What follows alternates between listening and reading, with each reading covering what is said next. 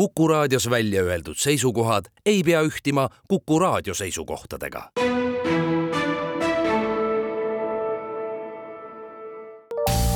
terviseks. saade valmib koostöös Ida-Tallinna Keskhaiglaga. vaata ka itk.ee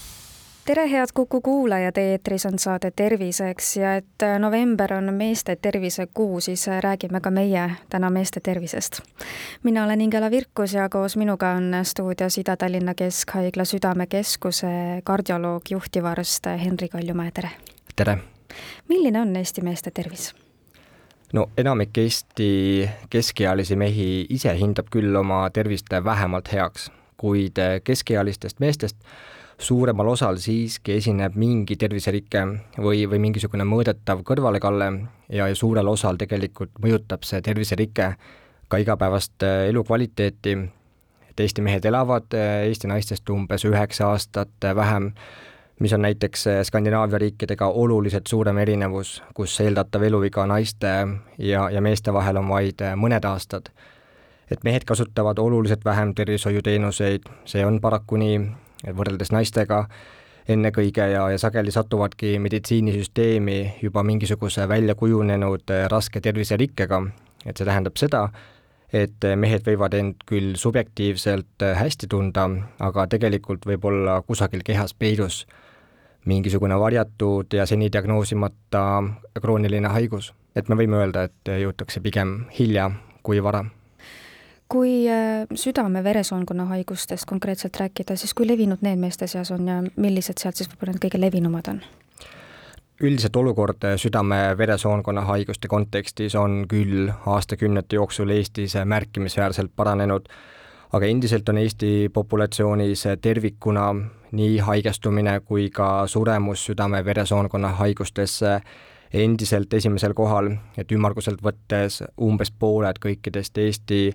inimeste surmadest on seotud südame-veresoonkonna probleemidega ja, ja fakt on see, et mehed haigestuvad südame- ja veresoonkonna haigustesse oluliselt varem võrreldes naistega, hinnanguliselt on see erinevus umbes seitse kuni kümme aastat, et seega on vanusegrupiti võrreldes meestel rohkem südamehaiguseid, aga, aga risk südame-veresoonkonna haiguste väljakujunemiseks on tegelikult mõlemal sool praktiliselt sarnane ja, ja kui rääkida sellisest keskealisest elutervest tööealisest meesterahvast, siis loomulikult kõrge vererõhk ja, ja kõrge verekolesterooli väärtus on juhtivaks probleemiks. Ja, ja keskeast edasi hakkab juba loomulikult kimbutama ateroskeroos ehk siis veresoonte lupjumine ja loomulikult ka siis selle kõik tagajärjed millised on äh, meeste suurimad riskikäitumised, mis siis nendesse haigustesse haigestumist soodustavad ja kuivõrd need naiste omadest võib-olla erinevad, et te mainisite ka, et meestel avalduvad need äh, sageli varasemas äh, eas, kui naistel oli see vist niimoodi, on ju? just mm. -hmm et kindlasti üheks kõige olulisemaks riskiteguriks on kujunenud viimastel aastatel kindlasti rasvumine, et hinnanguliselt iga neljas keskealine Eesti mees on rasvunud ja rasvumine tähendab siis eh, kehamassiindeksit üle kolmekümne. Ja, ja loomulikult eh, kehamassiindeksi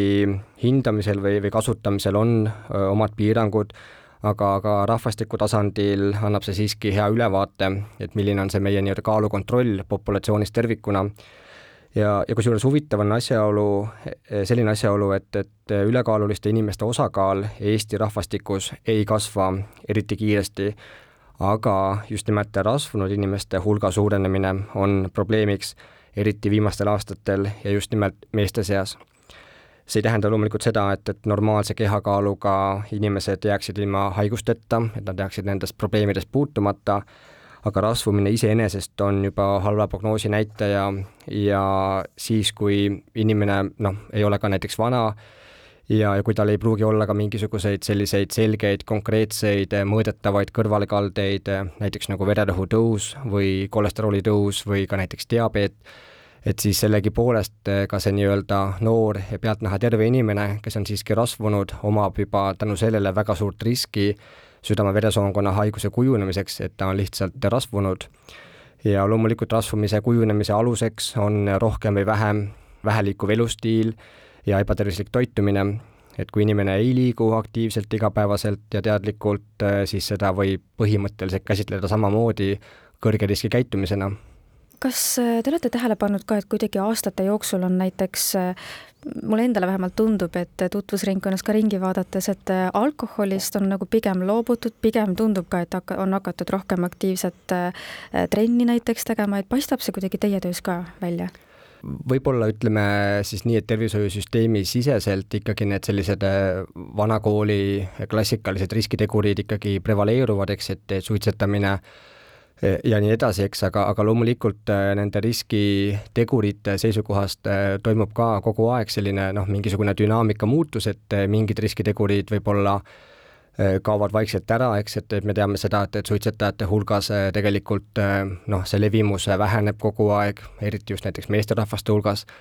aga samamoodi, et just nimelt, et tulevad asemele uued riskitegurid, et nii-öelda siis summaarselt riskitegurite nii-öelda hulk tõenäoliselt ei muutu,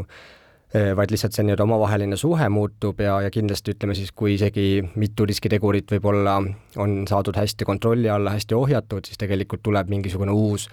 selline kuri riskitegur, nagu näiteks seesama rasvumine Te mainisite eespool ka, et pigem jõutakse arsti juurde juba siis, kui on mingid sümptomid, ehk et see haigus on juba inimesel sees olemas justkui. et äh, mis sellistest südame-veresoonkonna haigustest siis märku annavad, milliste kaebustega mees arsti juurde jõuab? Probleem ongi selles tegelikult, et, et kui mingisugune südame-veresoonkonna haigus juba endast märku annab, siis sageli on tegemist äh, nii-öelda välja kujunenud äh, või tõsise terviseprobleemiga, et inimene õpib elama, adapteerub pidevalt näiteks suurenevate selliste kõrgete vererõhuväärtustega ja, ja tegelikult ei taju üldse seda, et, et vererõhk võib olla juba aastaid olnud äh, kapitaalselt korrast ära ja samamoodi näiteks ei tunne inimene iseennast kuidagimoodi halvasti, kui tal on näiteks kõrge kolesterooli tase või näiteks kui veresuhkrud on äh, ööpäeva lõikes pidevalt korrast ära.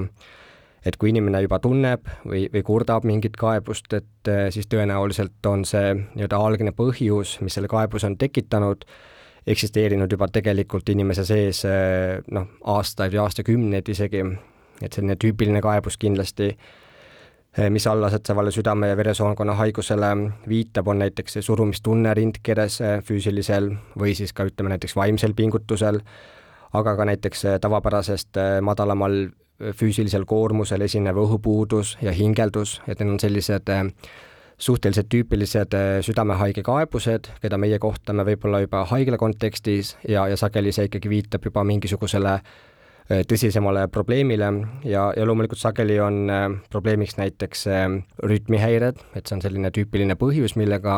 inimene satub kardioloogi või siis üleüldse arsti vaatevälja